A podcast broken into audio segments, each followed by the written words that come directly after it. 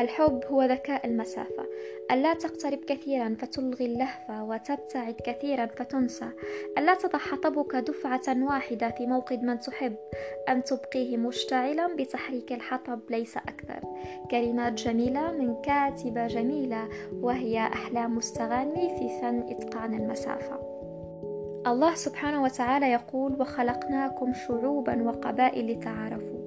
ونبيه صلى الله عليه وسلم يقول المؤمن ألف مألوف. وابن خلدون يقول كذلك الإنسان بطبعه اجتماعي. مهم في حياة كل منا أن تكون لديه علاقات اجتماعية لكن الأهم كيف حال هذه العلاقات؟ هل هي صحية؟ هل هي علاقات مضرة؟ تستنزف كياني شخصيتي وقتي طاقتي؟ وتضفي كل ما هو سلبي على حياتي.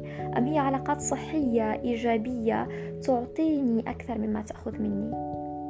علاقات صحية يسودها الود والاحترام.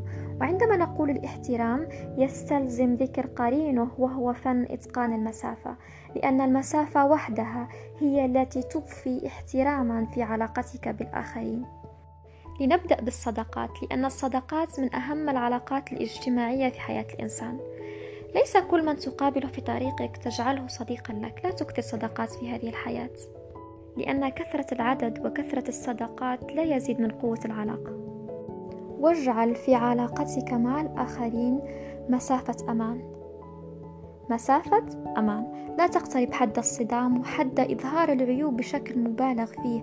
حد المشاحنة. ولا تبتعد حد الجفاء. فاترك مسافة أمان واحترام.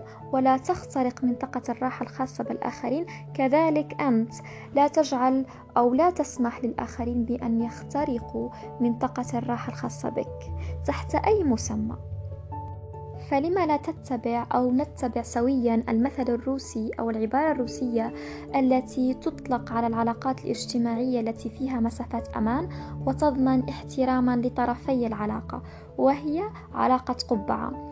عند فعند الروس في السابق كان الرجال كلهم يرتدون القبعات آنذاك.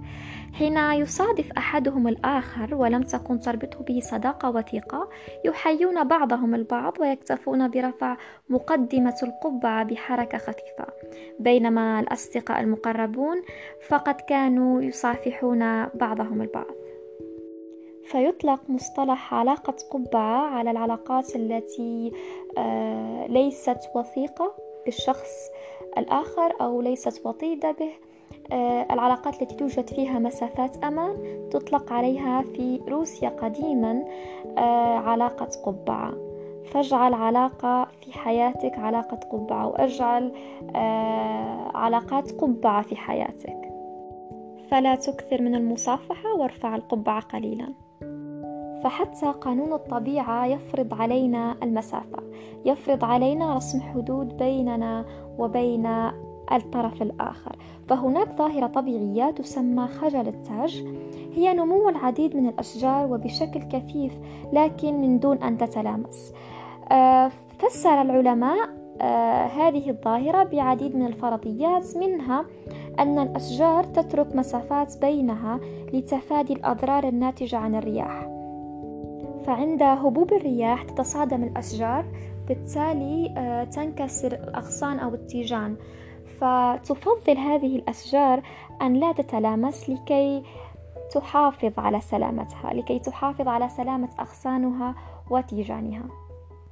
وكذلك لمنع انتشار الحشرات آكلة الأوراق فتشكل هذه الأشجار مسافات بينها وبين الأشجار المجاورة لها.